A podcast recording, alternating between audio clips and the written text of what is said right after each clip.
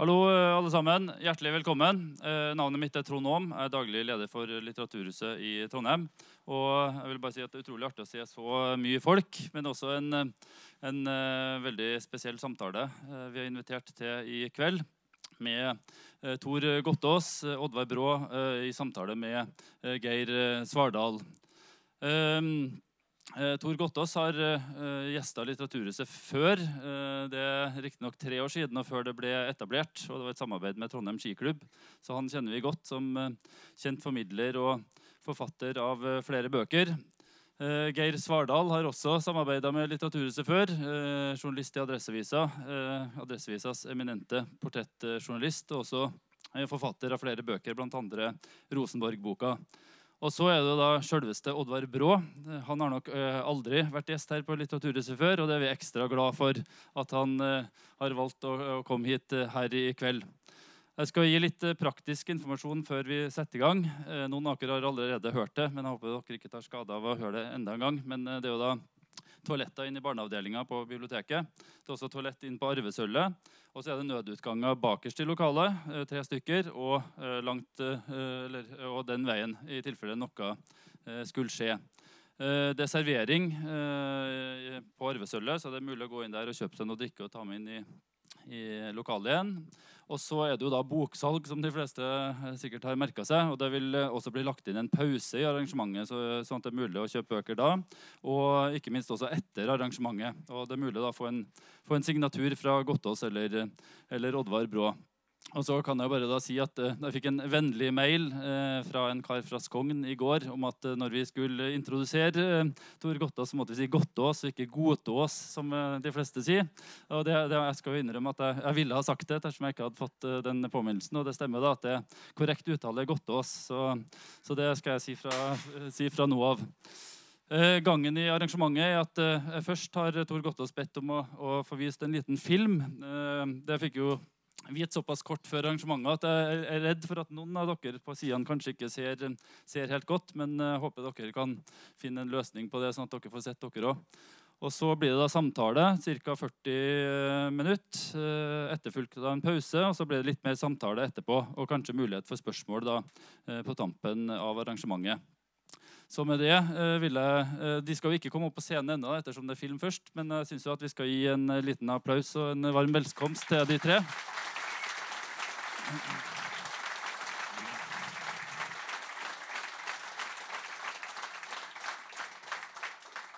Og så forsto jeg det sånn at Tor Gottaas gjerne vil si et par ord om filmen før, før, den settes i gang. Så hjertelig velkommen, og vær så god. Ja, det her er en spesiallagd film eh, fra, for Oddvar. Det er da lagd av NRK. Og De lagde en sånn film helt gratis. Eh, han ville bare ha en bok i, i, i betaling. Han som gjorde det. Han sa det var to personer han kunne gjøre det for. Det var da Oddvar og eller Ole Einar Bjørndalen. Og Det er da åtte minutter, og alle som har levd i 70-80-åra, vil da få et lite sånn tilbakeblikk til den tida der.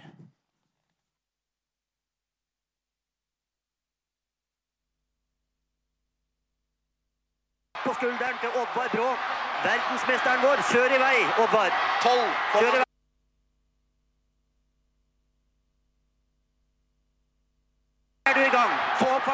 Her legges grunnlaget for et av de mest dramatiske, og i hvert fall det mest uforglemmelige øyeblikket i norsk skihistorie. Men det lange løpet startet mer enn 30 år tidligere.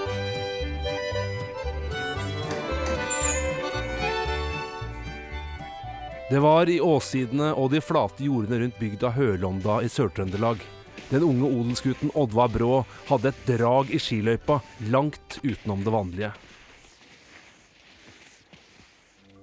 På den tiden var det bare en ung Oslo-gutt, den jevngamle Ivar Formoe, som kunne måle seg. Og så Oddvar Brå, som har gått seg stort opp og vinner rennet så vidt foran Ivar Formoe. Nå er det hele vel overstått, og Oddvar Brå får jeg lov til å gratulere som norgesmester. Ja, mange takk. Det er ikke første gang dette her? Nei, jeg vant også 16-årsklasse i fjor. De sto så ofte sammen på pallen at de ble kalt langrennssportens knoll og tott.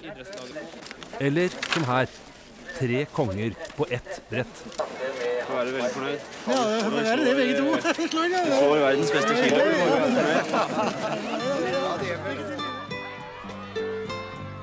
Men navnet Oddvar Brå skulle stå som et merke i skisporten gjennom flere tiår. En sølvmedalje i stafett i Sapporo-OL ble bare regnet som en opptakt. Men der Ivar Formoe lyktes i olympiske leker, skulle Brå slite med å få det til i de store mesterskapene. Nå heter det jo at det viktigste er ikke å vinne, men å delta. Er du enig i en sånn målsetting? Det er greit at eh, sånn som aktiv, så eh, når du skal trene for fullt, så må du stille deg forhåpninger. Så jeg stiller forhåpninger om å vinne, men det er greit at eh, det er artigere å, å klare å delta enn å ikke være med. Før OL i 1976 var forventningene store, men det gikk ikke. Skiene hadde utvilsomt litt av skylda. Brå hadde forpliktelser til en skifabrikant som ikke kunne gi ham de samme forutsetningene som flere av konkurrentene. Som her i VM i Falun i 1974. Dessuten slet Brå med sykdom. OL i Lake Placid gir det beste bildet på dette. En syk Brå endte langt bak løperne han hadde reist til Amerika for å slå. Tredjeplass foreløpig. Først år senere fant man ut at han egentlig hadde astma. Men for Brå og en hel norsk skinasjon ble resultatet uansett skuffelse på skuffelse. Nå ønsker vi oss Oddvar Brå her. Med start nummer 81, som du sa, som bare har vært ute 1.01,45. Det er fint, Oddvar. Dette ser ut til å gå bra. Men innimellom de store mesterskapene dominerte han langrennssporten, og Ski-Norge elsket ham. Oddvar Brå ville vunnet verdenscupen flere ganger enn noen andre, hadde den bare vært oppfunnet. Mange mente hans muligheter for å få det etterlengtede gull var forspilt. Igjen sto bare én sjanse, slik Norge så det. Ski-VM på hjemmebane i 1982. For første gang skulle leikløperen lykkes. Hvor mye dette egentlig betydde, illustreres best av radiokommentator Bjørge Lilleliens dype og uhemmede glede. Oddvar Brå kan bli verdensmester! Han kan bli det, men da må du forte deg, Oddvar! Fort deg, fort deg, ikke hvil! Energiske dobbelttak! 38-34, det er 39 39-02 på Kirgestemi. Oddvar er ved slutten av hesteskoen. 38-43, 44, 45 46, oi gud, hjelpe meg! 48, 49, 50 Han kan klare det, Oddvar blir verdensmester! Ja! 30 Åh! Åh! Oddvar Brå! Oddvar Brå, jeg elsker deg! Oddvar Brå, 38, 52, 5. Tenk at jeg skulle få oppleve dette. Veldig godt av stasjonen. Oddvar er verdensmester. Alle stasjoner. Oddvar blir verdensmester. Oddvar var blitt verdensmester. Han skulle bli det igjen, selv om det ikke helt så slik ut. Oi, oi! Så faller Pål Gunnar! På skulderen til Oddvar Brå. Verdensmesteren vår. Kjør i vei, Oddvar. Kjør i vei. Der er han. Nei, men la han få en annen stav, da! La han få en stav! Hvilken dramatikk inne på området her! Og dette kan da ikke Oddvar tape. Kan han det? Nei, det kan du ikke tape, Oddvar. Du kan ikke tape det nå. Ja, ikke si det, da, for nå går russeren ut. Ja! Russeren går ut. Det blir fotofinish igjen! Ja, helt på målstrek. Var russeren foran? Klarte han det? Så hvordan kan odelsgutten fra Hølonda med ett individuelt VM-gull bli en av skihistoriens største? Han var jo sjelden best når det gjaldt, men til slutt var han det. Og nettopp derfor rørte han noe i oss alle. Om å holde ut, om å slite og lykkes til slutt. Det er derfor en kommentator kan si med hånden på hjertet Oddvar var bare best. Under VM i 1985 setter han selv punktum. Tror du dette blir ditt siste internasjonale mesterskap? Ja, det blir nok helt sikkert. Men det var vel egentlig et komma. Er dette blitt en parodisk skøytesport istedenfor den skisporten du har drevet og dyrket i alle år? Ja, Det er greit at det blir litt spesielt, men uh, Det henger jo igjen litt. Det viser seg jo her i dag at uh, de beste skiløperne vinner også om det er skøyting. Selv med nye tekniske utfordringer skulle han vise sin storhet enda en stund til. Nå kan du ta fram eh, alle, all den luft du har å fylle lungene med, Jon. For det er Oddvars store dag. Kanskje er det hans siste NM-tittel, hva vet vi, men uh... Som 36-åring i 1987 vinner han sitt siste og 16. NM-gull. Nå i fristil. Året etter, i 1988, under OL i Calgary, går han inn til fjerdeplass på 15 km. Da har han fylt 37 år og hadde egentlig lagt opp.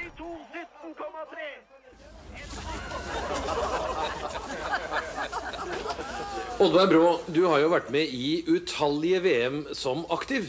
Men denne gangen er du her nede som eh, smøringsekspert. Ja da, Vi skal arrangere testrenn og gjestene. Og akkurat nå så holder jeg på å smøre skiene til uh, Vegard Ulvang og de andre guttene på laget. Akkurat, For du er jo selvfølgelig ikke med å gå selv denne gangen. Nei da, men jeg liker å holde meg i form, så det er mulig jeg slenger meg med på dette testrennet. Og uh, skulle det vise seg at det glir bedre for meg enn for de andre guttene, og jeg får spørsmål om å gå en etappe eller to, så, så sier jeg nei, nei. Der er Omar. Hvor mye kunne han egentlig vunnet? Vi får aldri svaret. Og det er ikke interessant. Oddvar Brå er norsk skihistorie. Det ingen visste, verken Brå, Savjalov eller Terje Bogen, var at Stabrekke Kollen skulle lage sin egen tidsregning. En egen kollektiv bevissthet om øyeblikket. Det alle som opplevde det, husker. Hvor var du? Det er ikke mange slike. Øyeblikket den 25. februar 1982 er skihistoriens største. Det blir jo nesten litt sånn uh, Man ler og man får litt sånn klump i halsen når man ser de bildene her også, for det er jo skihistorie.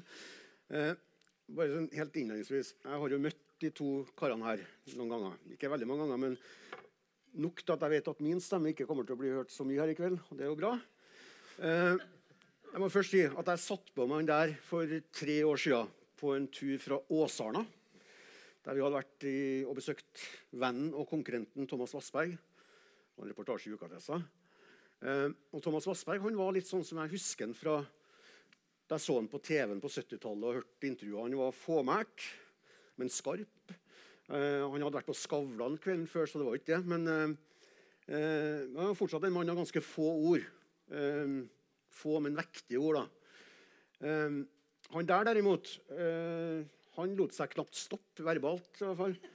Eh, og var ganske så annerledes enn mange av oss husker fra 70-tallet. som vi også så her da. Det er noe greit at, og sånt. Eh, da det kunne gå tilsynelatende både tre og fem mil mellom hver setning. Eh, nå kom de setningene tett. da, eller eh, Både hjem hos Thomas Vassberg og da vi kjørte hjem til Norge. De kom med vidd og de kom med understatement. og turen mot norskegrensa gikk fort, selv om Oddvar sikkert som du husker, hadde bare noen dager i forveien fått en elg i frontruta i Østerdalen. Så han var veldig sånn, forsiktig og konstant på vakt. da. Men jeg skjønner veldig godt hvorfor de toene her, da, Gottåsen og Oddvar, er blitt et så godt par. Jeg har beskrevet Tor Gottaas som en uh, fyr som er som snytt litt ut av de sidene i de bøkene han skriver om landstrykere, femmilslukere og hardbarka skogsarbeidere. Jeg kalte deg vel innledningsvis også i et eh, portrettintervju for en kvarluktende sjarmør i, i hølete klær. Den tok du bra. Men han er, men han er like stilsikker da, i denne boka her, eh, som i de foregående bøkene han har skrevet. Synes jeg. Den er kronologisk, i hvert fall på sett og vis. da. Eh, eh men han er like uberegnelig og uforutsigbar eh, i boka som forfatteren. Og det lukter jo også i, i de sidene her, eh, som alt annet som kommer fra penna til Tor Gottaas. Det er klister, og det er svette, og det er granbar, og så er det litt brennevin og litt tobakk innimellom også. Men du sa da vi møttes i februar, at uh, da var du kommet halvveis i biografien om Oddvar Brå, og du sa at du, at du satt og skrev med den her med en, med en veldig ærefrykt. Hva var grunnen til det? Eller hvordan begrunna du det? Jeg har jo tenkt på det i mange år og ment at jeg nesten hadde plikt til å skrive den boka. Ikke at jeg hadde noe rett til det, men plikt eh, fra mitt eget ståsted. for at eh, Jeg begynte å prate med Oddvar i 2002. september var og besøkte ham oppi der. og Eh, så skjønte jeg etter hvert at han hadde kolossalt mye å fortelle. han hadde mye på hjertet, og etter hvert så skjønte jeg at han har en historie som er helt spesiell. Han har levd et skiløperliv, andre halvdel av norgeshistorien i forrige århundre. Eh, så i 2008-2009 så spurte jeg han om, om, jeg kunne lage en bok. og da sa Vi tok en prat. Han lurte på om det var noe mer å skrive om seg sjøl. Jeg mente det var veldig mye. og Vi tok en prat, og vi tenkte han ferdig til 2.11 i VM, men da fylte han 60 år. Men jeg hadde ikke tid, og Oddvar hadde også nok å gjøre, så vi har utsatt det til nå. Så, så jeg hadde ikke prestasjonsangst, men jeg, har prøvd å lage en bok som også er i Oddvars ånd. Eh, så godt jeg kunne. Jeg har intervjua 75 andre òg. Så, hvis han er fornøyd, så er jeg fornøyd. Og du er fornøyd, Oddvar? Ja da, jeg er fornøyd, jeg. Ja. Eh, nå har jeg jo ligget tett innpå også da underveis. Det er noe med det at eh, Når vi prater mye sammen, så er det også at vi forstår hverandre eller ikke misforstår hverandre. Og så, så Selv om han er forfatteren og han som legger det som skal skrives, så vil jo gjerne være med ikke forbå, men være med og eventuelt justere ting som jeg syns kanskje vi skal tone ned eller, eller rett og slett ta ut. Det har ikke vært mange sånn. Absolutt ikke. Men det har kanskje vært noen få. Og, så det er noe Under ti. Hmm? Under ti ting. Ja, det er sikkert under ti. ja. ja. og det er kanskje lite, jeg vet ikke. Uh, ja, det, og det har litt med det at oss var jo godt kjent. Vi uh, treftes vel kanskje første gang 2002 eller noe sånt. Og vi har hatt en del også samtaler med, i, i forbindelse med Tor har skrevet andre bøker. Den femmilsboka og den biten der. Så da får du også en trygghet som, uh, når du skal skrive en sånn bok. Og det er jo riktig som Tor sa, at um, når han kom og sa at skulle, ja, kanskje vi skulle skrive en ny bok, så sa jeg men er det noe mer å skrive? Og jo, jo, jo, sa han, det var mye å skrive. Det, det skjønner jeg ikke med det samme, men så begynner vi også å tenke på det at uh, jeg ville egentlig ikke ha noe sånn kall normal biografi, men at uh, vi, ja, eh, hele min aktive karriere og i starten altså da begynner å gå tilbake. Da. Det er jo som sagt 50 år siden jeg representerte Norge første gang, i, i, februar. Så det er noen år siden. Så, men jeg ville gjerne ha den karrieren da, og den utviklinga der også inn i samfunnet ellers. Da, og Se også utviklinga i samfunnet. Og se hvordan starta, for da syns jeg det her blir mye mer interessant. Ja, en tidsreise. Men blant de tingene som ikke um, er vært omtalt før, og som nå kommer i denne boka her, og som ikke blir bretta ut i, i um, detaljer som er, som er Ja, hva skal man si? Uh, Altså, det handler altså om Borghild, din bestemor eller farmor, som du aldri fikk møte. Eh, den har vært omtalt en del i, i media. Men eh, sånn kort for, for dere altså, Hun blir født i 1893 utafor ekteskap. Blir satt bort til naboen, som eide ei ku og noen sauer, som Tor Gottaas skriver. Så han satt med andre ord marginalt, eh, mer enn marginalt bedre i det enn en, en sin egen mor. Da. Så føder hun sjøl en gutt som da er Birger Brå, som blir født i 1920, som hun må gi fra seg. Vergerådet i bygda, bygda um, krever det. Ikke har råd til det heller. Eh, pleieforeldrene er begge døde når, uh, før Birger fyller ti. Og så opptas de andre pleie, eldre pleiesøsken i praksis. Da. Eh, hvordan kom denne historien egentlig opp til overflata? Vi kjørte til Hølanda i 2006 i januar. Jeg tror det var 6. januar.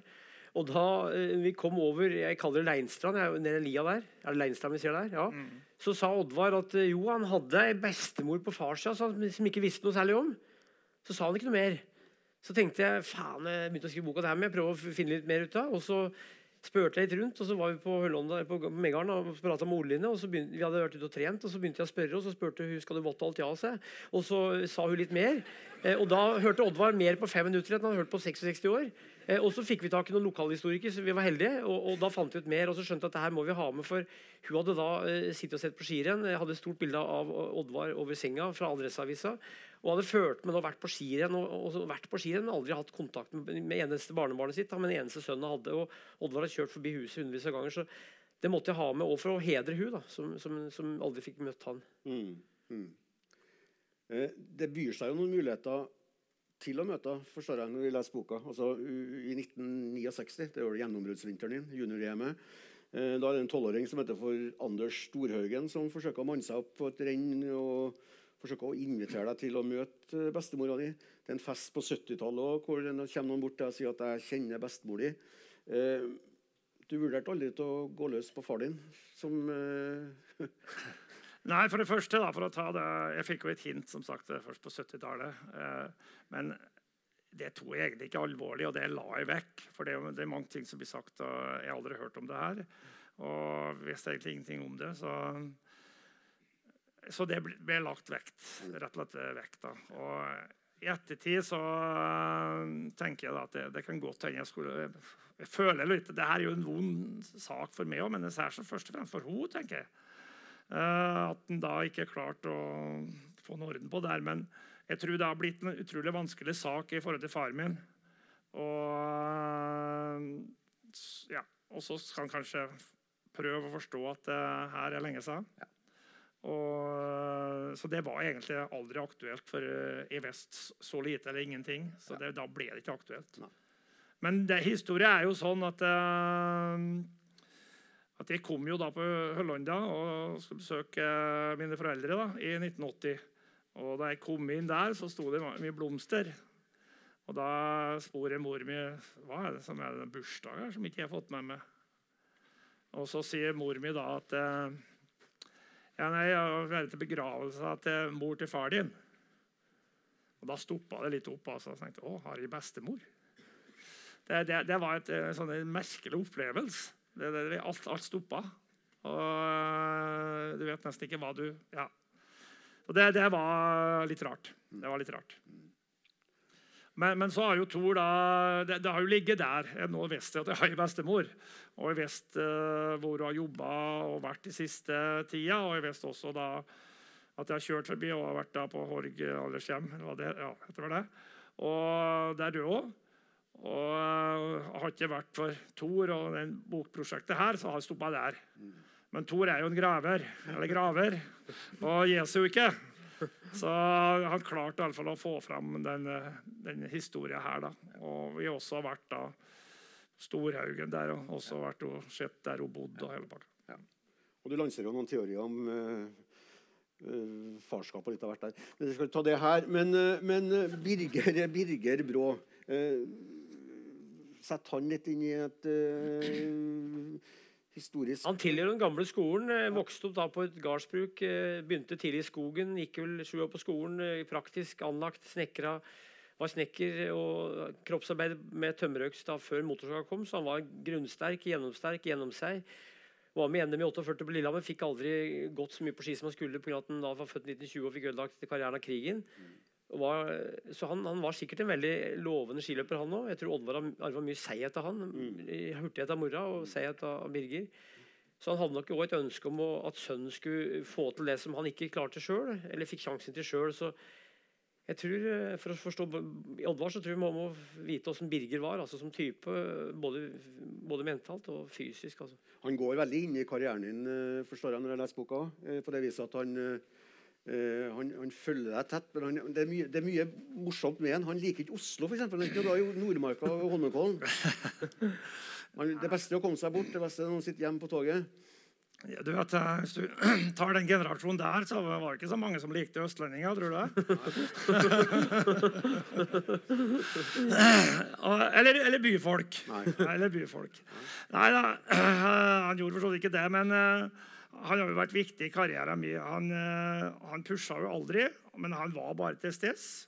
Og han gjorde da utrolig jobb i forhold til utstyr, ski.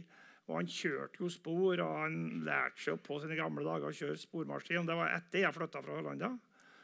Og jeg var veldig opptatt av ja, smøring og, og den biten der. Så det er jo ja, det er mange historier kan du si, som eh, i dag man kan flire åt eller synes er litt rare. Det er jo det at eh, De ble norgesmester i, i 69. Det var vel faktisk da eh, det norske mesterskapet du så på filmen her, i junior, foran Ivar Formoe. Og da var det jo godt Det var mye media faktisk på juniorer den tida der. Om det da har med at det var litt Oslo og Ivar Formoe kom på beste Oslo vest, det vet jeg ikke. Men eh, da far til Ivar han kjente jo mange av disse journalistene, som Aftenposten og redaktørene der. og den biten der. Men så sto de og venta på at faren min da skulle komme inn og gratulere, for han visste han var eh, ute i marka. Og da kom jo faren min da inn, og de sto jo klar for å få et godt bilde. Og da tar jeg det her eh, på dialekt, da. Og da, da det faren min sa til meg da, var det attårt. Altså bakglatt. Ja. Det var da det han, kom, han var opptatt av hvordan skia være og den biten der.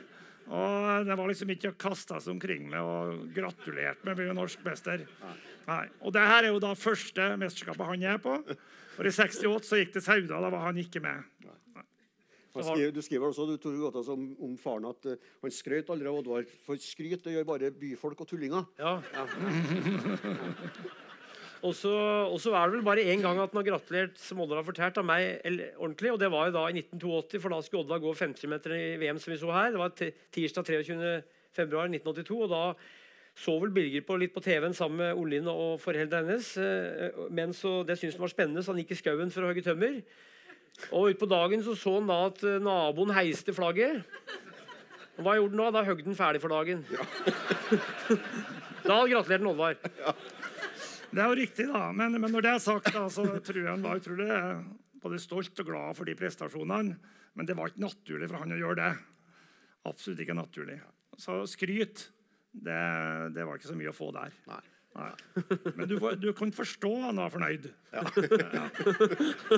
Du kunne også forstå han var mest fornøyd. Ja. Han var jo tømmerhogger, ja. som Oddvar aldri var. Så han var den gamle skolen. Oddvar på en måte har et bein i gamletida og et bein i nytida. Tar da steget over i nytida sammen med Ivar Formoe. Ja. Det var en grunn til at jeg ville skrive boka for å få fram denne overgangen da hvor han bor i en skiløperbygd med Estenstad, født i 24, Birger Brå, født, ja, For å få fram den overgangen da, inn i den moderne skiløping. Og Det beskriver du godt gjennom vennskapet og konkurransen eh, mellom Oddvar og Ivar og Ivar Formoe. Uh, han var også direktørsønn fra nesten beste vestkant i Oslo, i hvert fall, på Nordberg. Eh, han fikk 50 000 kroner av bestemora si for å sette i aksjer. Det er som et bilde det på, på hans bestemor. 18-årsgave, var det det? 18-årsgave, ja, ja, ja. ja, nettopp. En atypisk bygutt. Eh, på en tid antagelig lenge før langrennsløperne begynte å komme fra hovedstaden. I dag heter de jo Hekstad Krüger og, og sånne ting. Men, eh, men, det gjorde de ikke da. Aftenposten skriver bl.a. om Ivar Formoe at, eh, at um, at de eh, er litt overraska over at han legger så mye arbeid i treninga, med så mye fristelser som ligger i byen. Altså, det var altså ut fra en aksept for at uh, langrennsløpere kom fra bygda. Var det det? Ja, Han prata jo riksmål. Bortsett fra Odd Martinsen så var det ingen av de mannlige langrennsløperne som sa ikke eller jeg. Nei. Det var ikke je og æ og e. Eh, så det var altså helt utypisk. Han var jo en kjernekar. Urkraft fra byen. Spesielt det å være urkraft fra byen. Litt sånn som brødrene Hansen i Rora ja. var Ivar. Så han var, skilte seg ut på flere måter. Men dere møttes første gangen på eh, gikk i hvert fall første gang mot hverandre i Hovedlandsrennet i 1964 eller noe sånt? Det gjorde vi på ja. Sørehål på Lillehammer. Ja. Eh, da har vi jo ikke noe kontakt der, men vi møttes der. Eh, den gangen så vant Ivar. Jeg ble nummer fire. Og Ivar Odda, hans far, det var jo også en, en personlighet med, med stor sjøltillit. Og at i datiden altså, så vistes at han har litt mer sjøltillit enn alle andre. Men eh, Så han har da Ivar fartas mot skia hans av Håkon Brusveen. For eh, Ivar Odd Formoe han var jo sånn at han gikk etter det beste. Og da, Den som var best, enten det var å smøre ski på Lillehammer, det måtte jo være Håkon Brusveen. Så sånn var det.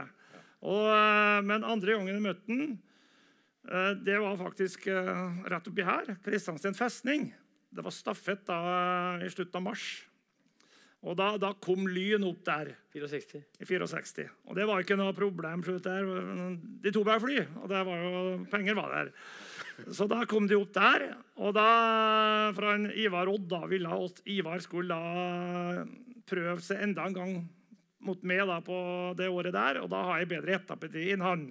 Da var det faktisk Rindal som vant foran Lyn og Leik på stafetten. Men det er også en episode til der som gjorde inntrykk. akkurat her. Da var det også det senere han gikk, jo. Så oss var det et mellomspill der. Det var da den gamle ja, det dør nå, Assa Rønlund, som er både verdensmester og olympisk mester. Og han gikk her. Og han vant. Og Den tida var det jo store kjøleskap og alt mulig den store ting. da. Og så hadde det vært da i, i Sverige så hadde han begynt å skattelagt de premiene. Så han da tok ikke imot premie da i sesongen 1964. Og du er den guttungen da, som så at han ikke ville ha premien. Det var ganske sterkt, altså. Forsto ikke helt sammenhengen her, da. Men i ettertid så skjønner jeg den. Han hadde nok vaskemaskiner. Altså. Det har han vel, men det var også da eh, De ble jo skjønnsligna. Så det her er en kamp som ikke gikk bare i 64. Det her, den her har gått lang tid. I Norge var det ikke noen store premier. Det var ikke mye å skatte. Det var forskjellen, Men i Finland og Sverige var det litt annerledes. Men du begynte å, å frekventere Formos hjem på Nordberg. Du overnatta der ofte. Du skriver også hvordan eh, altså, Lost in translation. Søsknene til Oddvar forsto ikke så mye, nei, til Ivar Formel forsto ikke så mye av det du sa, men de så på deg med store øyne når du satt og åt. Ja. Du vet, Da han trente og uh, har stor forbrenning, så da gikk det store mengder med mat. Uh, men det var jo eh, ganske fantastisk. da, for Jeg fikk lov til å komme til Oslo og trene sammen med Ivar. Og så fikk jo et helt spesielt eh, vennskap der.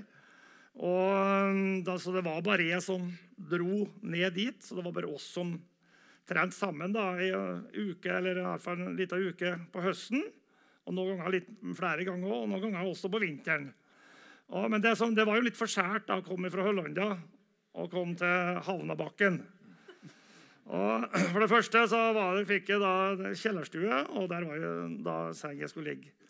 Og um, der var det jo ikke akkurat senga reid opp, som det helt sikkert har kommet til å vært på Høllanda andre plasser. Der lå det bare klar til å reddes opp, så da måtte de bare gjøre det. Og det var første gang de gjorde det.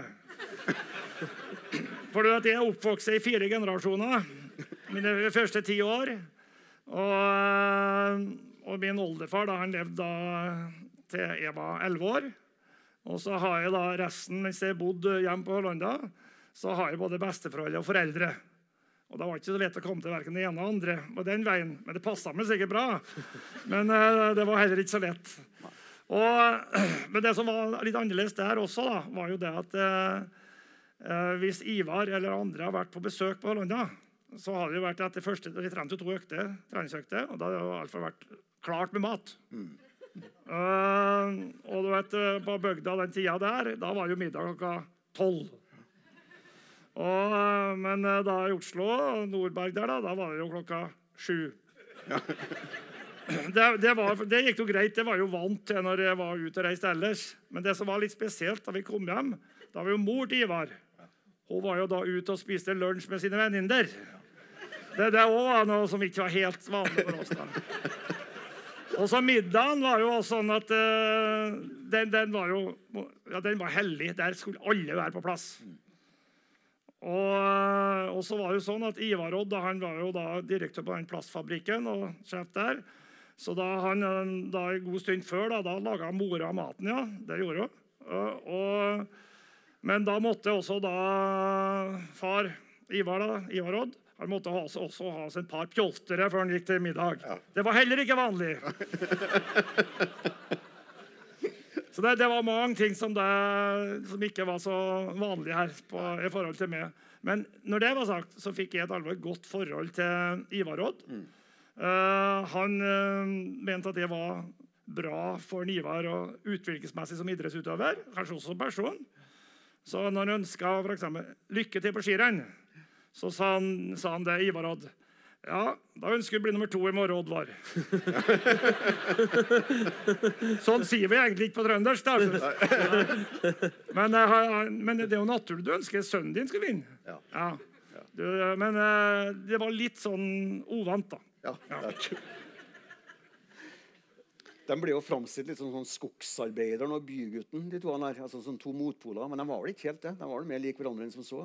Ja, og Ivar vokste opp i skogkanten, hadde mye bedre forhold for langrenn enn enn Oddvar. Kunne gå da i opp, stort sett oppgåtte løyper utover mot Ullåsheter. Så som typer er de to ganske like. Oppveksten er forskjellig, men, men Oddvar han var jo enebarn. eh, Det var en forskjell. Ivar var eldst av fire søsken, da, men Ivar hadde en eh, bror som var 13 år yngre, så han hadde to søstre imellom. Da. Så jeg tror Ivar fant en slags bror i Oddvar. Oddvar fant en bror i Ivar. Så jeg tror de på en måte ble sam halvbrødre. altså eh, trengte en sånn, Og var like gamle, da, så hadde mye utbytte av hverandre på ulike måter. Og dette er et vennskap som varer hele livet. Altfor kort.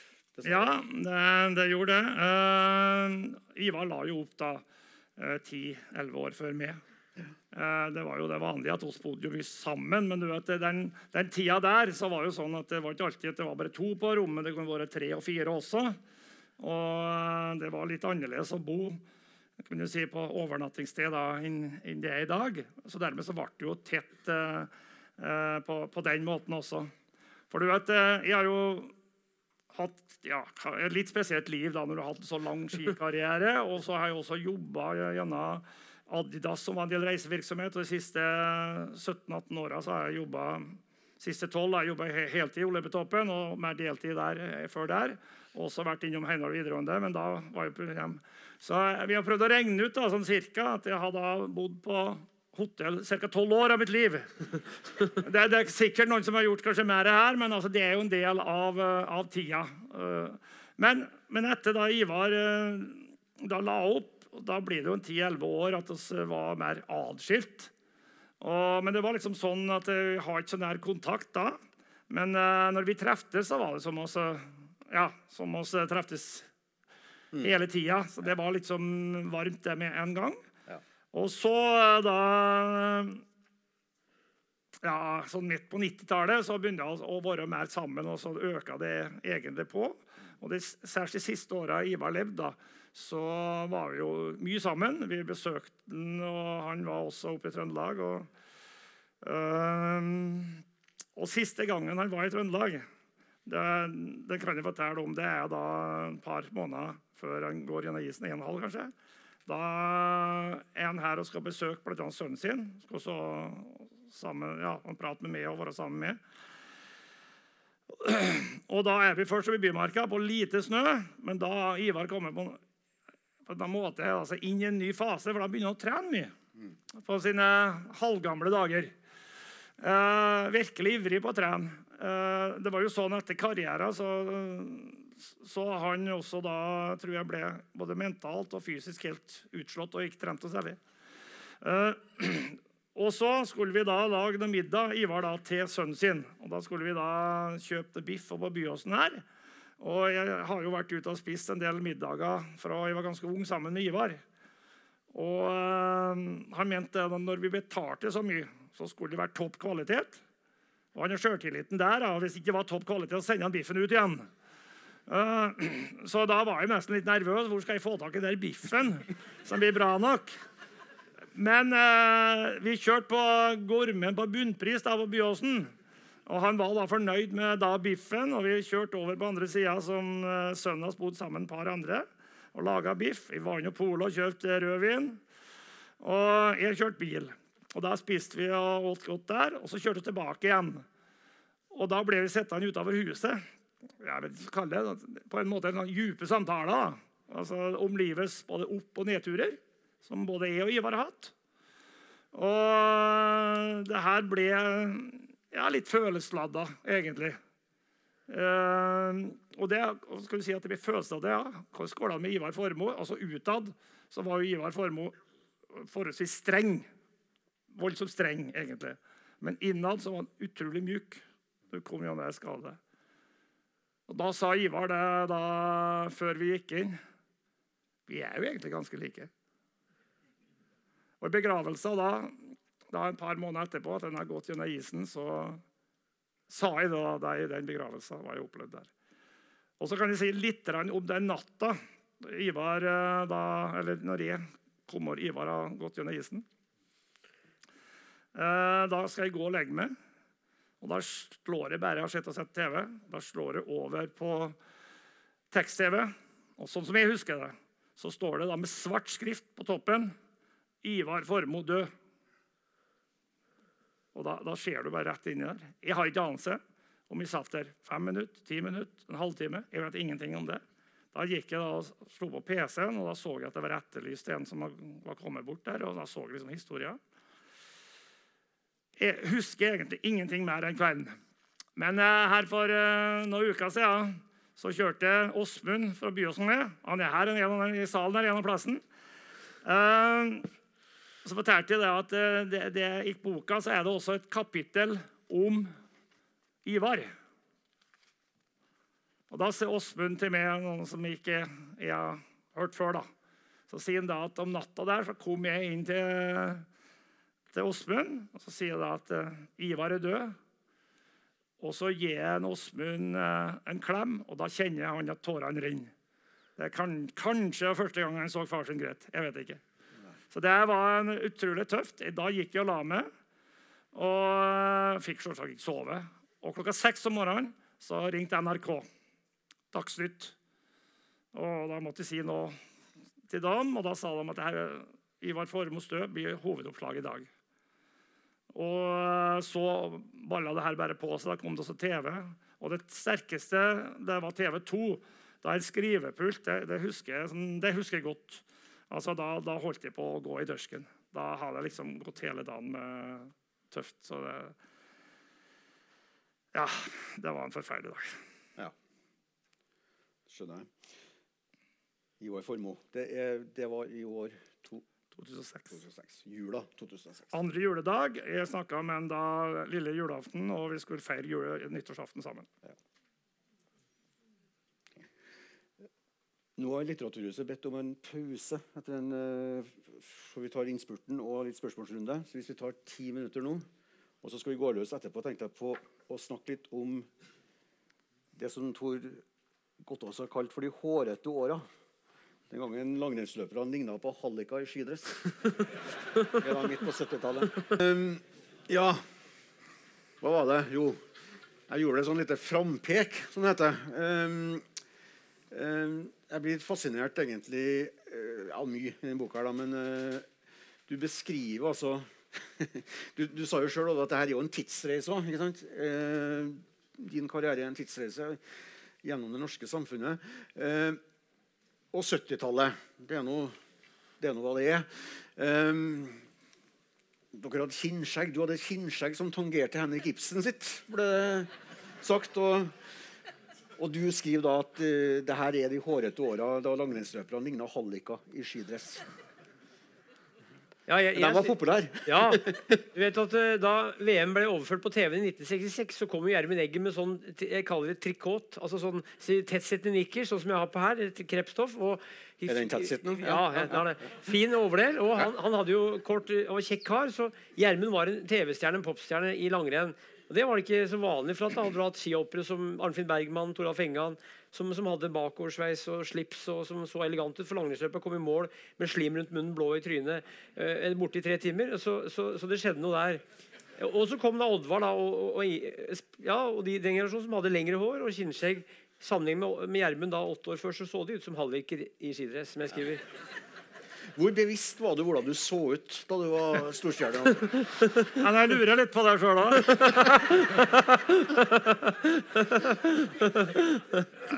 når jeg ser igjen det her nå, det har jo skjedd eh, etterpå, så det var egentlig ikke sånn man uh, trodde man så ut. Nei, men det gjorde du. Det gjorde jeg. Og, og det var vel, uh, hvis du ser bort fra skiløypa, så var det vel ikke så uvanlig, da. men... Uh, jeg ser jo det at jeg, kan, jeg dro strikken langt, altså. Ja. ja. Det så du mange år etterpå? Ja, ja. Så ikke da. Nei, nei, nei, så ikke da. Så ikke da. Nei. Men du er jo opptatt av, av altså, Oddvar er jo, en, han er jo uten tvil en, en folkekjær skikonge. Hva, hva, hva, hva, skal til for å bli det? Sånn altså, Oddvar har gått på ski inn i den norske folkesjela, mener jeg. Jeg står og skriver i boka òg. Ja. Og det står på første side. og han er, altså, han er på en måte veldig alminnelig. Og så samtidig er han veldig ualminnelig. Altså, en norsk helt skal jo være alminnelig, men han, skal gjøre, eh, han eller hun skal gjøre ualminnelige ting og prate dialekt. Mm. Tenk deg Åge Aleksandersen synger på bokmål. Mm. Altså, det ville vært bra, men altså, hvis du skjønner, det er et eller annet med trøndere midt i Norge omtrent. og han har et eller annet, det er noe modder at eh, Jeg var på en fest i Gyldendal i august, og så ta, sa jeg sånn da, Berthe da, i Oslo hva jeg skrev en bok om nå. Så sa jeg Olva Brås. Jeg. Ja, for han, Det går jo ikke an å mislike Olva Brå, sa Og det tror Jeg går, det, jeg har ikke klart å finne noen som misliker han. Og når jeg skriver bok om noen, så er det ofte at jeg begynner i utgangspunktet å, begynner å skrive bok om en person fordi jeg liker han. Og så begynner jeg å mislike han mer og mer. Ja. Men her er det motsatt. Jeg har fått mer sympati for den. Ja. Eh, og jeg skjønner litt mer av hvilket liv han har levd. Og at den er i livet syns jeg er rart, som har drevet seg så hardt på ski. Så, så, så jeg har fått et eh, bedre inntrykk av Oddvar eh, enn jeg hadde før. Og det var i utgangspunktet positivt. Og han er da en type som Det er veldig få som altså det, er, det er noe med Oddvar som gjør at det er veldig, Han appellerer til veldig mange. og da, Det må du gjøre for å bli norsk folkehelt, og så må du gjøre noe alminnelig, og så må du vise at du ikke er en maskin. Altså Hvis du er en maskin, så, så, er du en maskin. Han er et menneske. Det viser noe måten Oddvar gikk på. Hvis du ser den, den, den utstrålinga og den karismaen og den nikkende hissigheten han hadde på slutten av den særlig, så var det litt med at det var veldig menneskelig. Eh, og para med Børge Lillien, som skriker og, og, og, har det samme synet på Oddvar som en del andre nordmenn hadde i den tida der. Mm, mm. Og så ga han seg aldri. Nei. Og gikk i år etter år, og det var da en oppskrift uh, for å bli det. Men, men du, du, hadde, du, hadde ubegripelig bra med tid. Altså, du var tålmodig med fansen. hvis Du kan si det sånn. Du brukte mye tid på å skrive autografer. Du var tilgjengelig. Eh... ja, uh, jeg var det. Og, og det har jeg prøvd å være hele tida. Det skiller deg litt fra en del av dagens utøvere. Det er mulig det gjør. Det er slett å kommentere. Ja, ja. Men jeg prøvde å bruke tid, og særs også da lenge etter jeg la opp, så, så vil jo folk prate. Og ikke alltid det passer, men jeg bruker mye tid på det. Og jeg tror også både de som er med nærmeste her, syns jeg har utrolig tålmodighet. Og, men så tenker jeg da at eh, jeg må jo av og til bite med tunga eller leppa og, for å gjøre det. Men så tenker jeg da at de er jo interessert. Og de har på en måte vært og støtta og heia og gjort det der. Så det, da er jeg på en måte å gi noe tilbake. Mm. Og, og, nå har jeg da litt mer mulighet til det. Så, så jeg er ganske bevisst på det. Og, og bruke litt tid og få prat og ja, at de, at de, blir fornøyd med det um, de er ute etter. Ja. Historien om Oddvar Brå ville jo vært litt annerledes om det ikke hadde vært for to andre.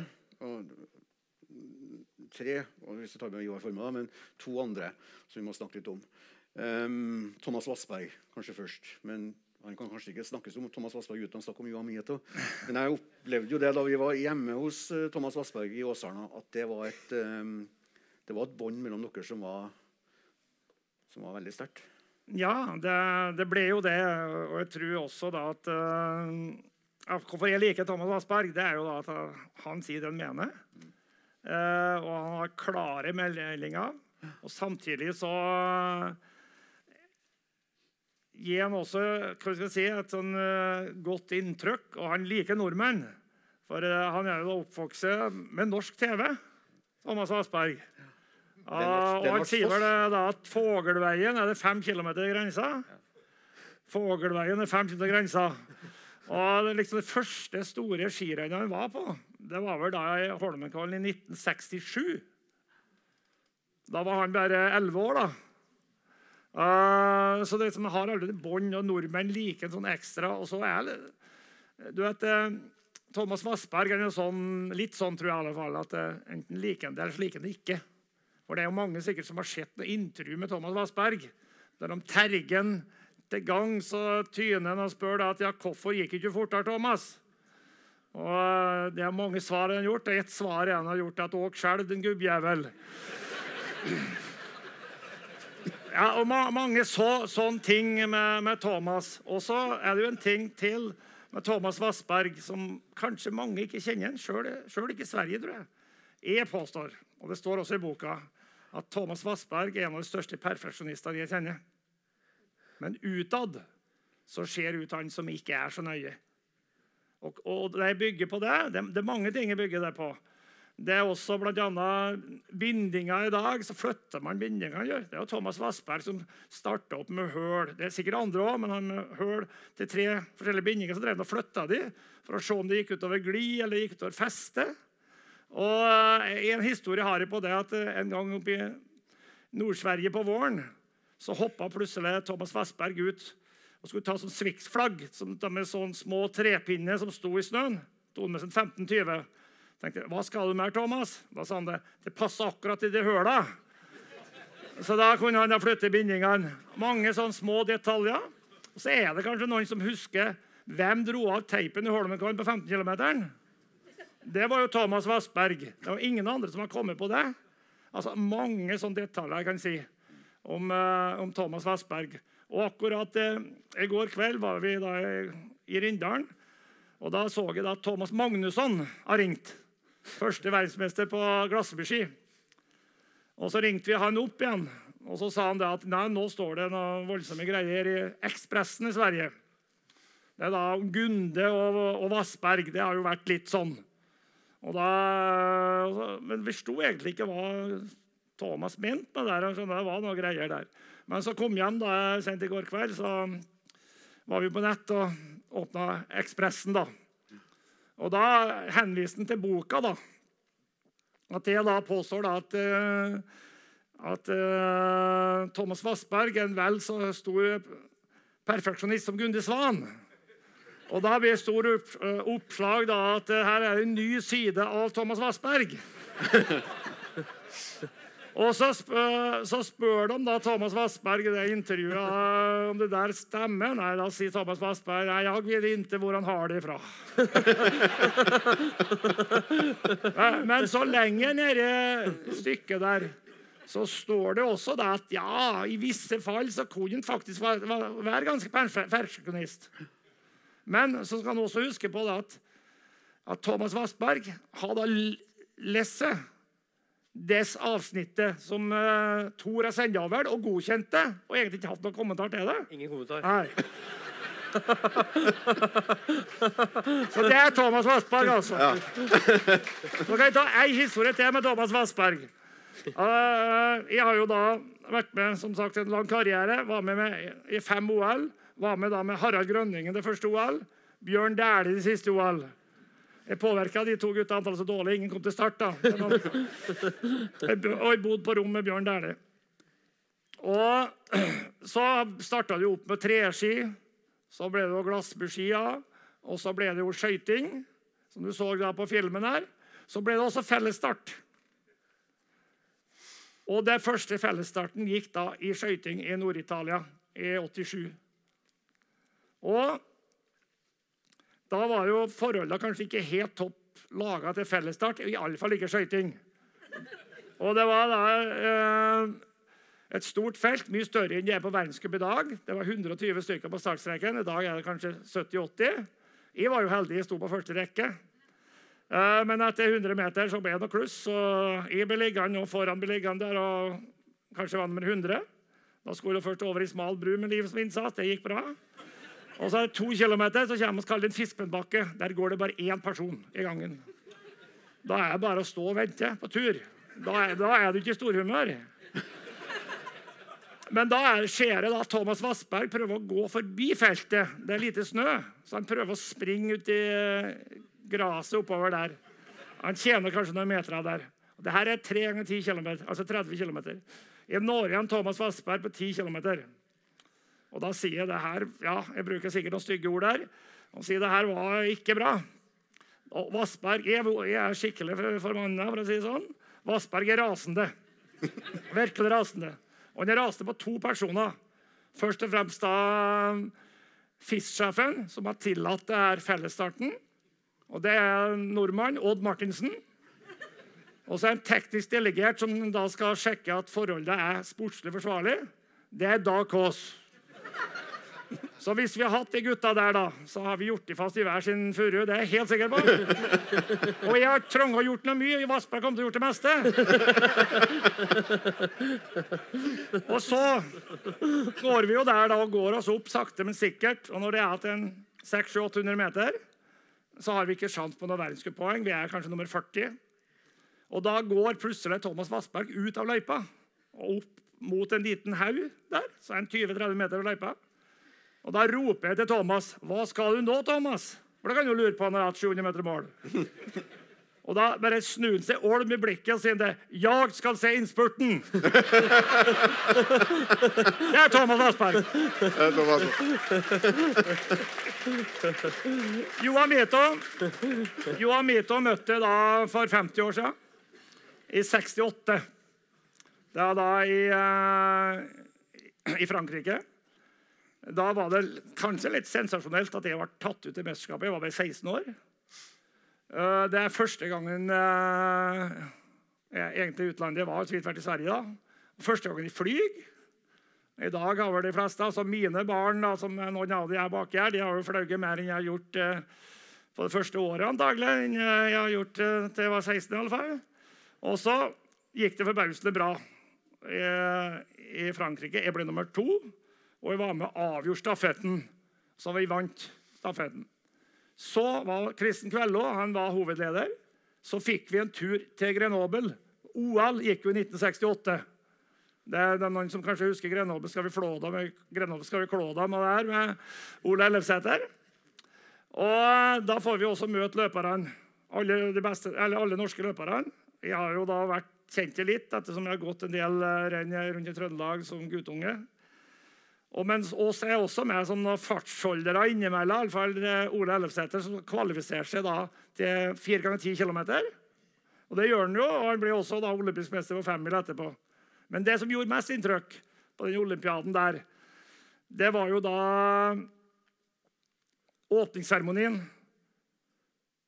Og hvem måtte det der? Altså det, det, er noen som er såpass voksen som meg og gamlere også. kanskje. her. Det var general Charles de Gaulle. Så det var jo fantastisk. Nå snakker jeg med fra Joa Mito, men Joa Mito var med i første, samme mesterskapet og ble nummer fire og hjemme nummer to. Og Det er jo litt av en bamse. Han er da 1,97, matchvekt på 100 kg, 53 sko Jeg vet ikke hva jeg har i veiene. Ja, men det er da en person som snakker finsk utrolig bra. og der fikk vi et eh, prøve på da, lanseringen av boka. Da, I Gyldendal eh, for ei halv uke siden da sa jo Tor da, at, sånn til meg og sa han da, at eh, ja, et innlegg kanskje på en fire minutter. Og da sa vel Vassberg Faen, jeg klarer inntil det kanskje tre minutter, sa han. Ja. Så kom, kom Mito til slutt. Og innlegget hans var kanskje på et titall minutt på finsk. Ja. og, og, det som skjedde der, da, var jo det at etter hvert så jubla jo folket. Ingen forsto noen ting, men etter hvert begynte å forstå alt. Så det, var jo da, det er liksom Joa Mito. Men det er utrolig temperament i den karen. Og ja, jeg er utrolig glad i Joa Mito. Uh, og det har noe med oss også hatt både opp- og nedturer, både jeg og Joa. Uh, jeg vant jo mitt mesterskap, og Joa var jo en hundredeler fra å vinne et mesterskap. Så, så har hatt alvorlig tette bånd og så har jeg vært eh, ja, samla på mange forskjellige måter. Skal jeg ta ei historie til så, før du kommer til her? Om Joa Mito. Falun 74? Ja, ja. Da det er Falun 74 så har du glassbeskirevolusjon og sånn. Og da var det ja, tremila. Der eh, var det da kliss bløtt, og da vinner Thomas Magnusson, som vi prata om før, gull og første verdensmester på glassbeski.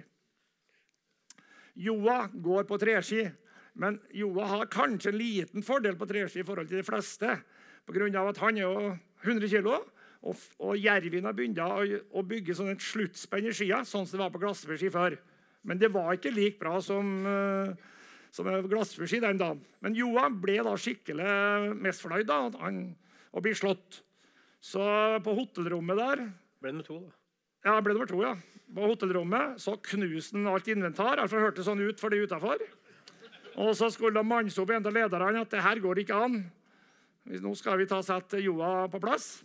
Han har låst døra. Omsider så åpna han døra og var ikke god blid. Så hogg han tak i nakken og bakenden på den lederen, og så hogg til skikkelig, og så kasta den skikkelig i veggen. Så han var på tur på sykehuset. Men da roa det seg. Og hvordan historien enda, det vet jeg ikke, men det viser at eh, Johan Mito har et temperament, men er virkelig liksom en, en snill person på alle måter. Det er godt.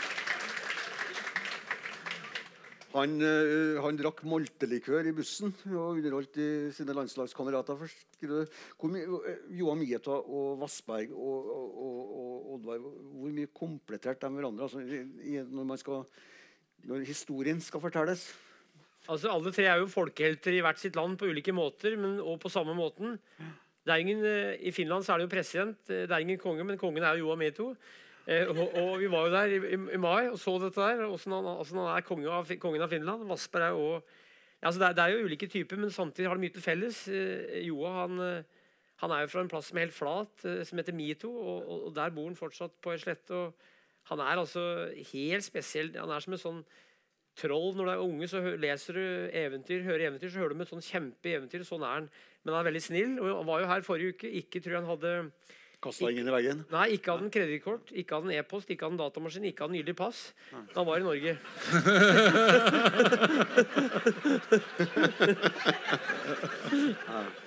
Ja. En mann etter din smak der. Ja, ja, ja. ja. Du har jo bare fasttelefon, du. Ja. ja.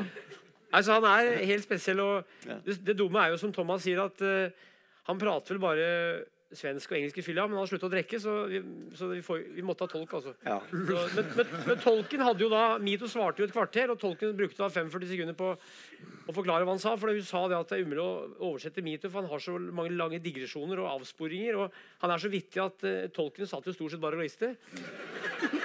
og vi hadde en ny tolk gangen etterpå, og hun satt bare, et kvinnfolk da, satt og bare gliste, så han er altså helt spesiell. Uh, den gutten der han var jo sleggekaster, og, men han var jo så lang at han roterte ut av ringen, så han begynte med langrenn.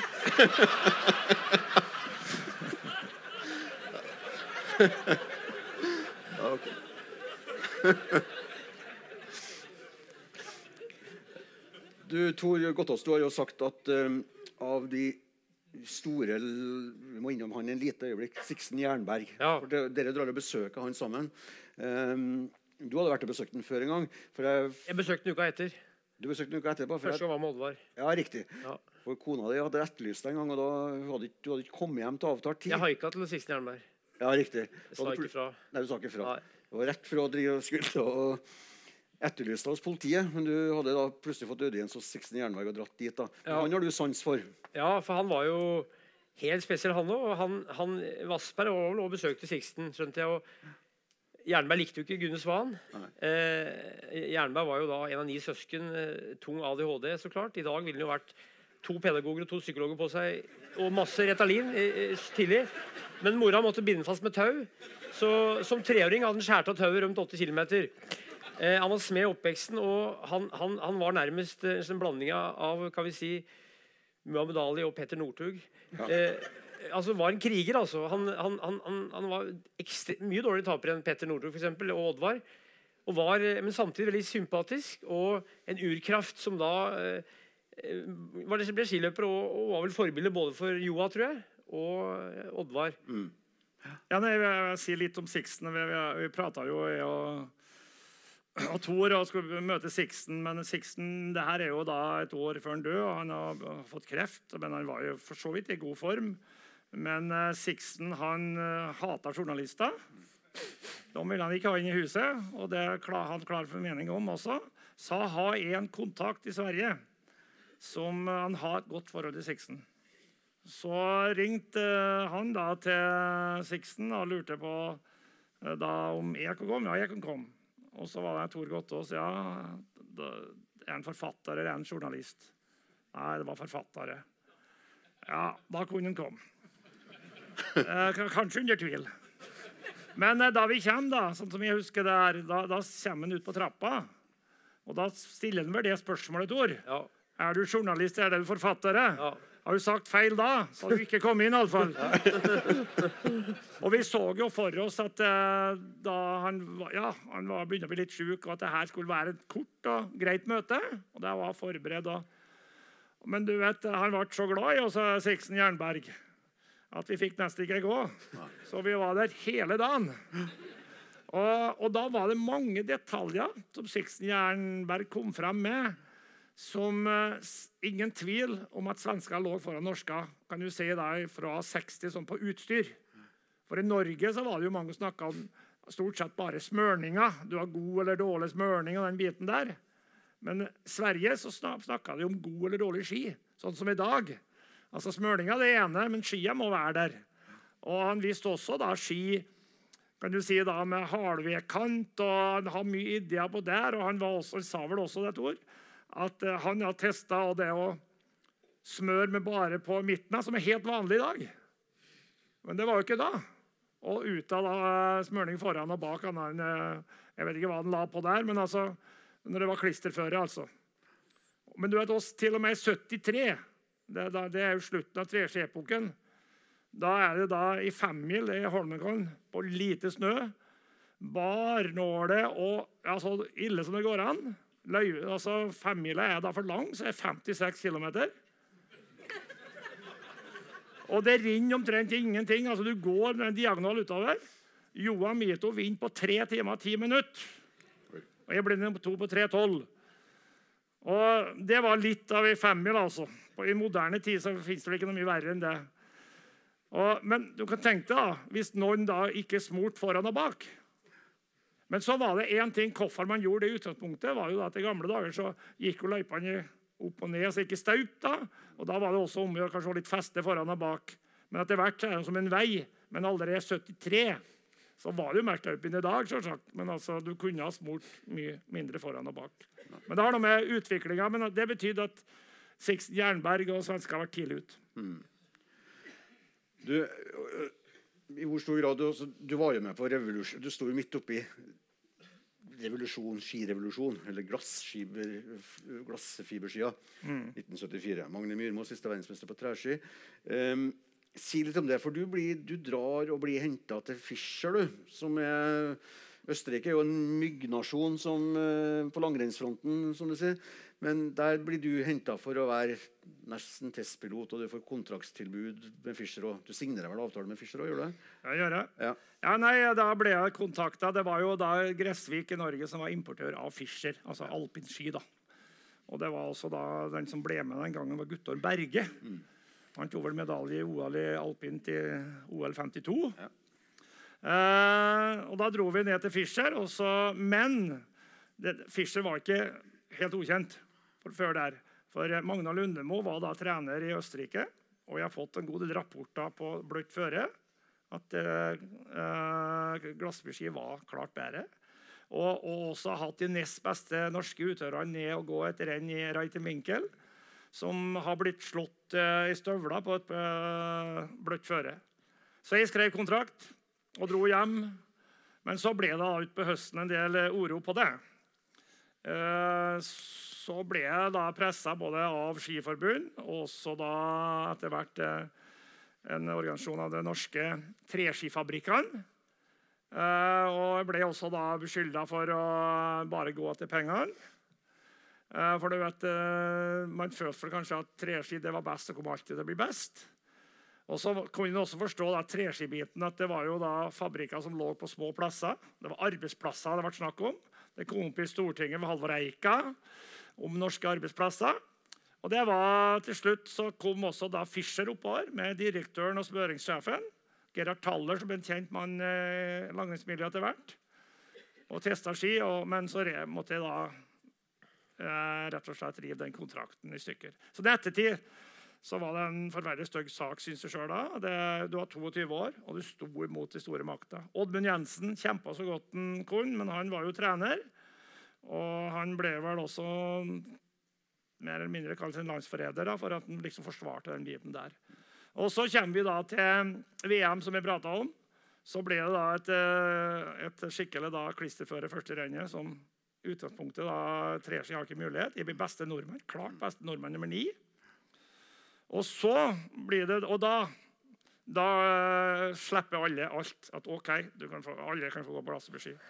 Men kan vi si oss det siste nasjon som kan få ski, det er omtrent som å vinne Lotto. altså. For du kan tenke deg at Når uh, Høstflot Klæbo altså, eller Northug de tester 100 par ski, og så har ett par Og Det var nok ikke bedre jevn kvalitet da enn det er nå. altså. Så det, det, og, men OK, da fikk vi et hver hver, og så kom 15 km. Da var jo, spor vi opp to par ski, alle sammen. Vi smor tørt, altså grunnvokst tørt på treskia og klister og tørt på glassburskia. Og da valgte oss tre stykker klister og tørt, altså glassbuski, og én da valgte treski. Og han ble verdensmester. Mm. Magne Myrmo. Mm. Og det var jo flott. Selvsagt vi var verdensmester. Jeg ble med fem. Jeg nådde igjen Mito på fire kilometer og mista festet uh, på det. Det, ja, det klisteret frøs jo. Det var det som ble problemet. Og vi kunne egentlig lite da på de skia. Men så kommer det stafett to dager etterpå igjen. Da er det klissbløtt igjen. Og da har jo Magne Myrmo vist for hele verden at treski er best. Ja. Du kan tenke deg det trykket det var på Magne. da. Det var ikke så lett å ta noe annet enn treski da. Han har jo trykk, og da kom jo alle på han. Og han ble jo selvsagt klappa på at du Magne, som forstår det, andre, andre idioter. Og så Magne gikk jo på dreski og var i en fantastisk form og gikk ifra de oppover og, og ble fragrent igjen. Og sånn var det. Og så kom det da femmila. Da er det bare stålis. Og da kan vi jo lite om skia. Da gjør jeg mitt beste løp gjennom karrieren. Og smører om at det er 17-18 km og blir nummer 9. Det er beste løpet i karrieren. Så det var et forferdelig mesterskap. Det var et forferdelig på grunn av at Du ødela jo mesterskapet resultatmessig. Det er det ene. Men det ble sånn litt, uh, en stemning som var vanskelig. For den del, altså Både den aktive delen og, og, og ledelsen delte seg litt i to. Noen har tro på det her, og noen har ikke tro på det her. Men på våren da, da uh, ble jeg første norskmesterskap på glassbursdag, altså femmila i Sørreisa. Så etter der så var det ikke noe mer snakk om det her. Eh, vi skal begynne å nærme oss litt til slutten og skal åpne litt for noen spørsmål også. Eh, men eh, Tor, hvis man skal forsøke liksom å se noen år altså, ser Oddvar i Skisund, det har du gjort i og for seg. Men nå driver dere og turnerer rundt egentlig kjølvannet av den boka her. Det er så godt som fullt hus, vidt jeg kan skjønne her, og dere trekker masse folk overalt. Er det mulig å se for seg nåtidens langrennsløpere i en tilsvarende setting om 35-40 år? Ja. Er det? Ja. Hvem da? Uh, Petter Northug. Mm.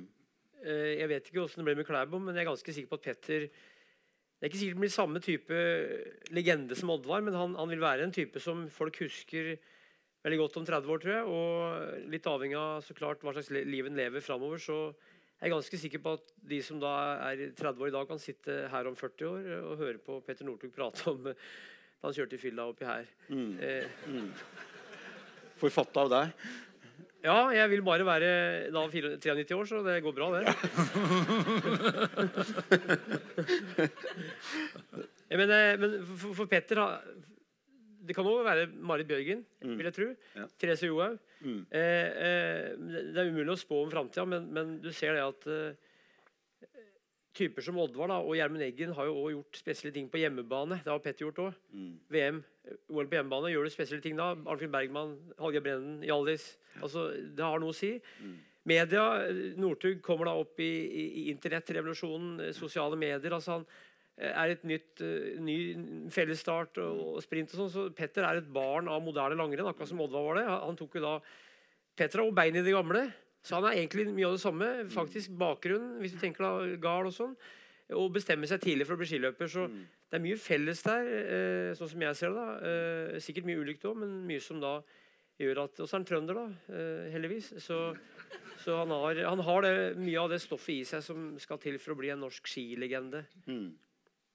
Og han er jo folkekjær Petter på, på en måte som kanskje er prega av den tida vi lever i, mm. av han som person, og av det han har gjort som utøver og utenfor. Mm. Ja. Det er mye vi ikke får tatt uh, tida til å ta opp her nå, men uh, for uh, karrieren til Oddvar handler også om, om, om sykdom. astmaproblemer, litt benskjørhet. Det handler om en annen tid. Har du tenkt noen gang, har du reflektert noen gang over hva slags type langrennsløper du ville vært om du hadde gått uh, ja, 10-15 år senere? Med et annet konkurranseformat. altså Verdenscupen kom jo mens du drev Du fikk jo godt om verdenscuprenn, men, men, men, men, det formatet du har i dag, og den distansesammensetninga, ikke minst jeg selv, jeg, jeg, har jo da også vært interessert i, i friidrett. Ja. Og vært uh, ut ifra så lite som jeg satsa på friidrett, gjort brukbare resultat. Uh, har noen medaljer i NM. Og har sånn brukbare tider sånn sett. Uh, har jeg i bånn i hurtighet. Uh, jeg er oppvokst i Myra. Men jeg har også da motvekt på det jeg kjørt mye mer hurtighet enn det som var kanskje vanlig den tida. Mm.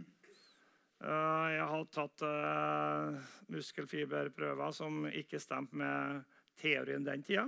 I 73 så har jeg da omtrent 50-50 hurtige og langsomme. Uh, det stemte ikke. Jeg vant femmila det året.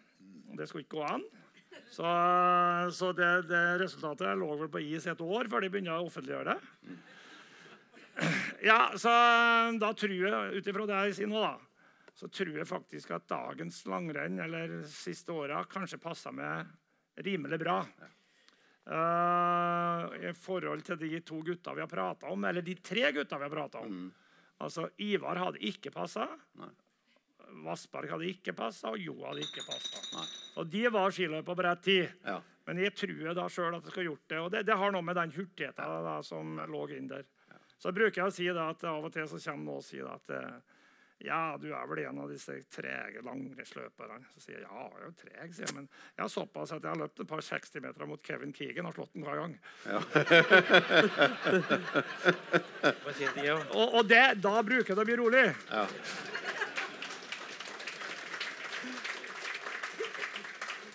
Løp du 60-meter mot Kevin Keegan?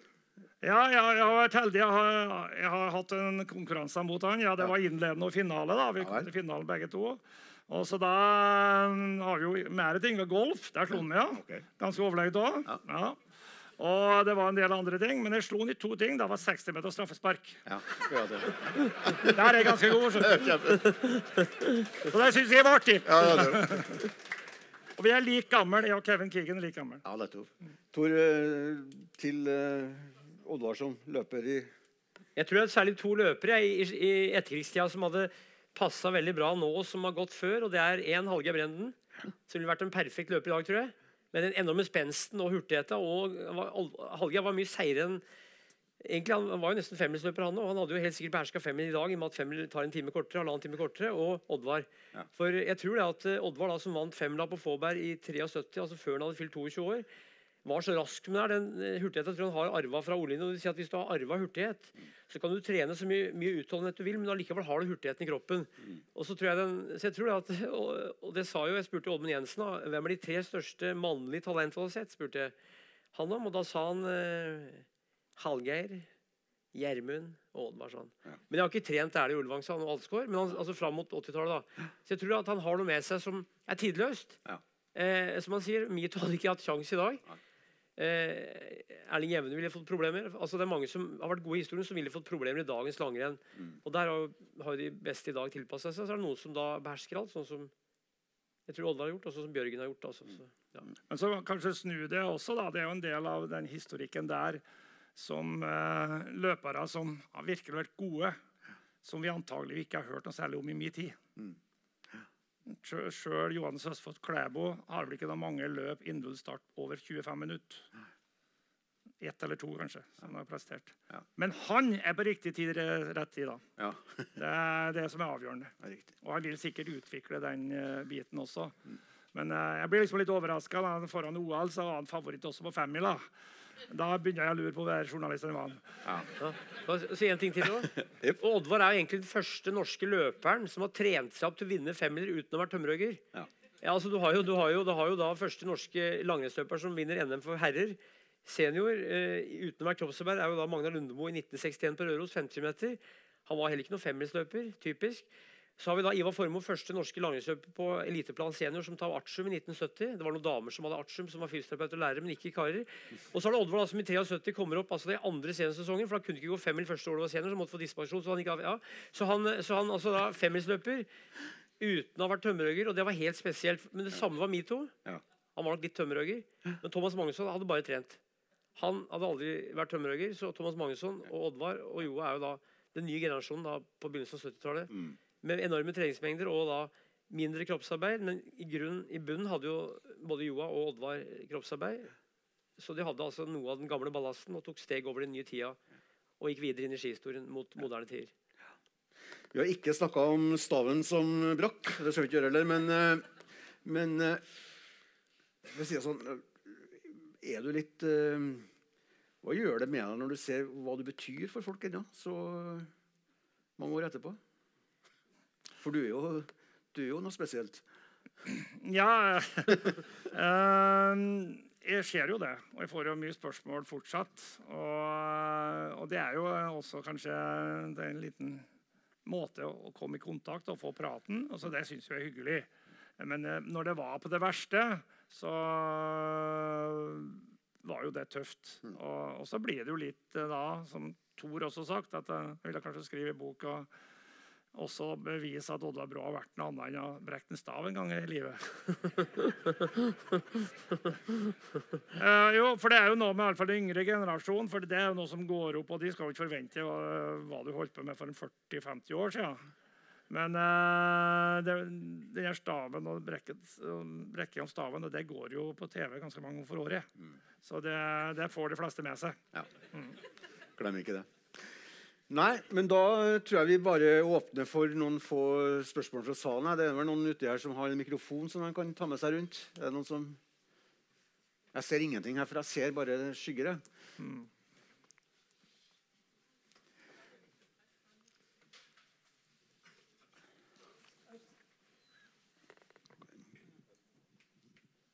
Ja, mitt navn er Bjørn Refsnes. Og jeg har eh, fulgt Oddvar Brå siden eh, 1964.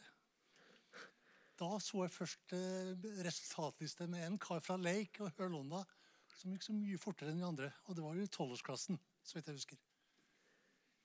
Så, eh, og helt frem til du avsluttet karrieren i Holmenkollen i 91 på Famila. Det blir jo faktisk 28 sesonger. Det syns jeg faktisk er verdt en applaus.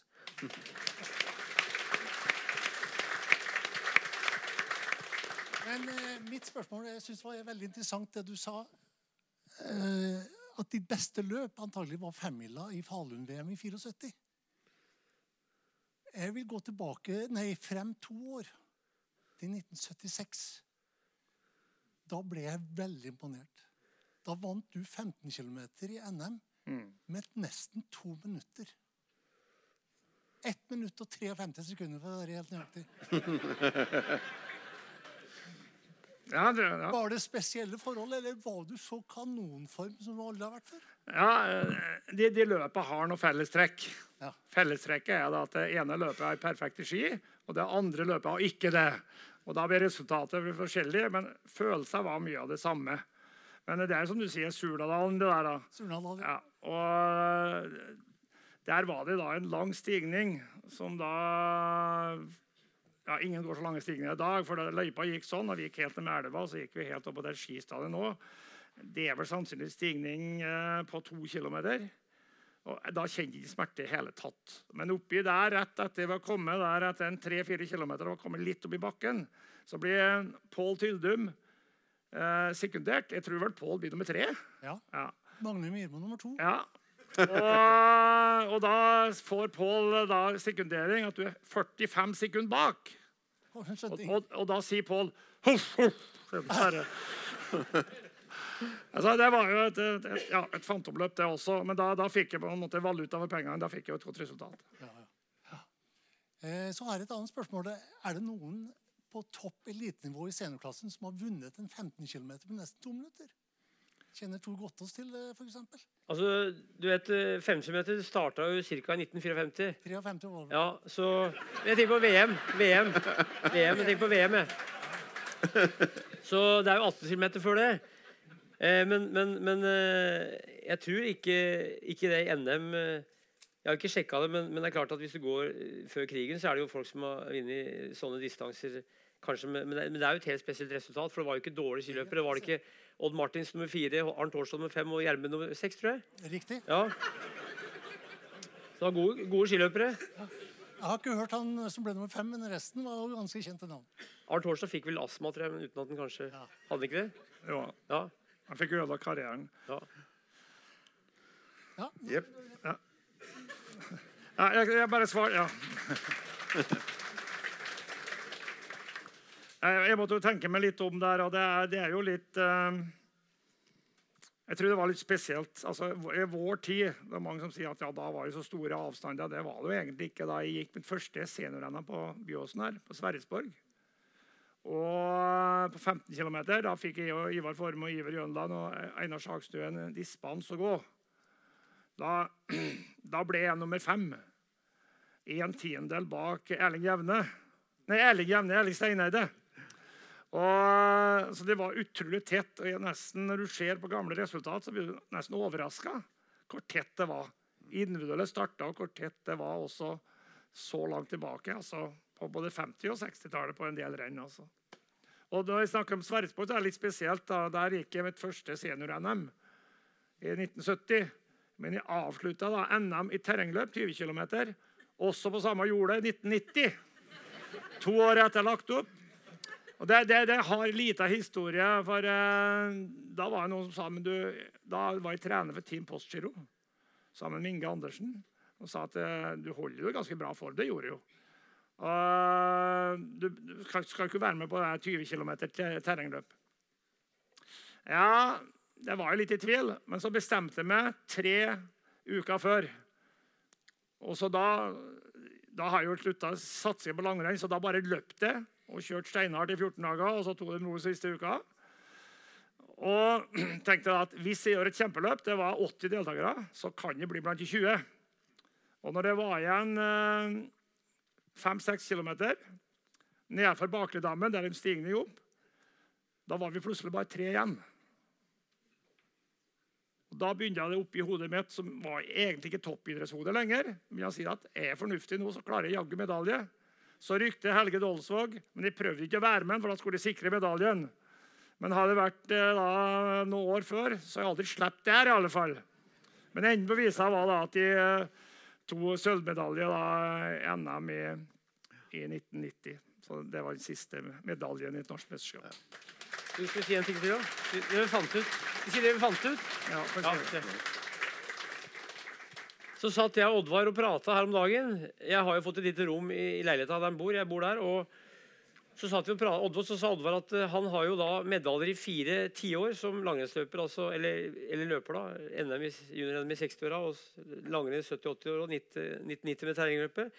Så tenkte vi er det noen annen norsk idrettsutøver. Det er mulig vi tar feil. Så fant vi ut bare én som vi vet om da, som jeg vet om i hvert fall, det var Bjørn Bang Andersen, kulestøteren, som tok da sølv i kulestøt i 57. Medalje, vinner i kule i 60-åra, 70-åra og medalje i 80-åra. Altså fire tiår. Ja. Så fire tiår har han gutten der vært medaljevinner i NM. Ja. Siste gang som senior. da.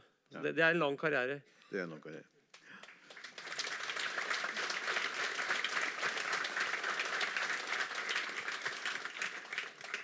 Var det flere spørsmål ute i salen før vi Sender Oddvar i diagonalgang oppover mot Byåsen. Hva er spørsmålet der? Det er et spørsmål der, ja. ja. Uh, jeg tror ikke jeg bør meg presentere meg, men du har jo nevnt uh, eh, VM i Falun i 74 ved en rekke anledninger. Og det var vel da DDR kom for fullt, var ikke det? Hva før? Med stafetten. Uh, og seinere, altså lenge etterpå, da, så dukka det vel opp det at de mest sannsynlig var dopa. Var det noe som det ble snakka om eh, bl.a. utøvere? For de kom jo egentlig som outsidere. Ja, De slo gjennom i 1970. da. Gerhard Krimmer vant jo femmila Holmenkollen i 1970. Men øh, jo da øh, Vi var nok klar over øh, doping da. Det var vel ikke Dessverre kanskje enda verre da enn nå. Men for å, for å si det sånn at du kan ikke gjøre noe med andre utøvere. Eneste, du kan gjøre noe med det sjøl. Så Derfor så bruker vi ikke altfor mye fokus på det. Men det er vel noen her som sikkert husker Magna Lundum og Froal i 84. Uh, når han har satt da med ganske god kort på hånda og gikk ut da og beskylda finnene for bloddoping. Nå vises det ettertid to av de som har gitt ut bøker, som har innrømt den bloddopingen. Men du to var jo hjemme og besøkte Gerhard Grimmer? du? Ja, jeg besøkte Grimmer. Han var en veldig sympatisk kar. Han, eh, du så det på at han var en gammel skiløper. og han prata tysk, og jeg prata engelsk. og Jeg skjønte alt han sa, og jeg spurte han om doping. Og da sa han det at vi måtte ta det vi fikk, sa han. Ja. Han sa ikke noe mer. Sa ikke noe mer. Nei. Det kunne stå seks glass på et bord, sa han. Vitaminer, mineraler, kalsium pluss da Ja, du vet. Ja. Så, så, da hvis du ikke tok det, var det ut på dagen, sa han. Så var bare, Da var du sparka ut av systemet hvis du ikke tok den Oddmund Jensen hadde vært der i 1970 det der, og besøkt langrennsløpere. og Da hadde han treneren sagt at uh, Oddmund lurte på hvorfor de hadde blitt så gode. da, For de var jo gode i 1970-VM, og det var sommeren 1970. og da hadde jo østtyskere, de fant ut at de, for Ingen av østtyskerne hadde bakgrunn fra tømmerhogst. De hadde ikke drevet med kroppsarbeid. De fant ut at de måtte trene styrke, begynne å ro, løfte vrekter og dope seg for å bli like gode som de norske. Og Da var det, sa de til Oddmund at det skyldes da bra trening og bra kosthold. da. Men de var gode skiløpere, altså. Variert kosthold, i hvert fall. Ja, gode skiløpere. Ja. Men det har også blitt avslørt senere i det der at, mm. at det er masse, massiv doping, systematisk statlig doping. Så de, de, var ikke, de, var, de, de kunne ikke Hvis de skulle være med, så måtte de bare godta det. altså. Jepp.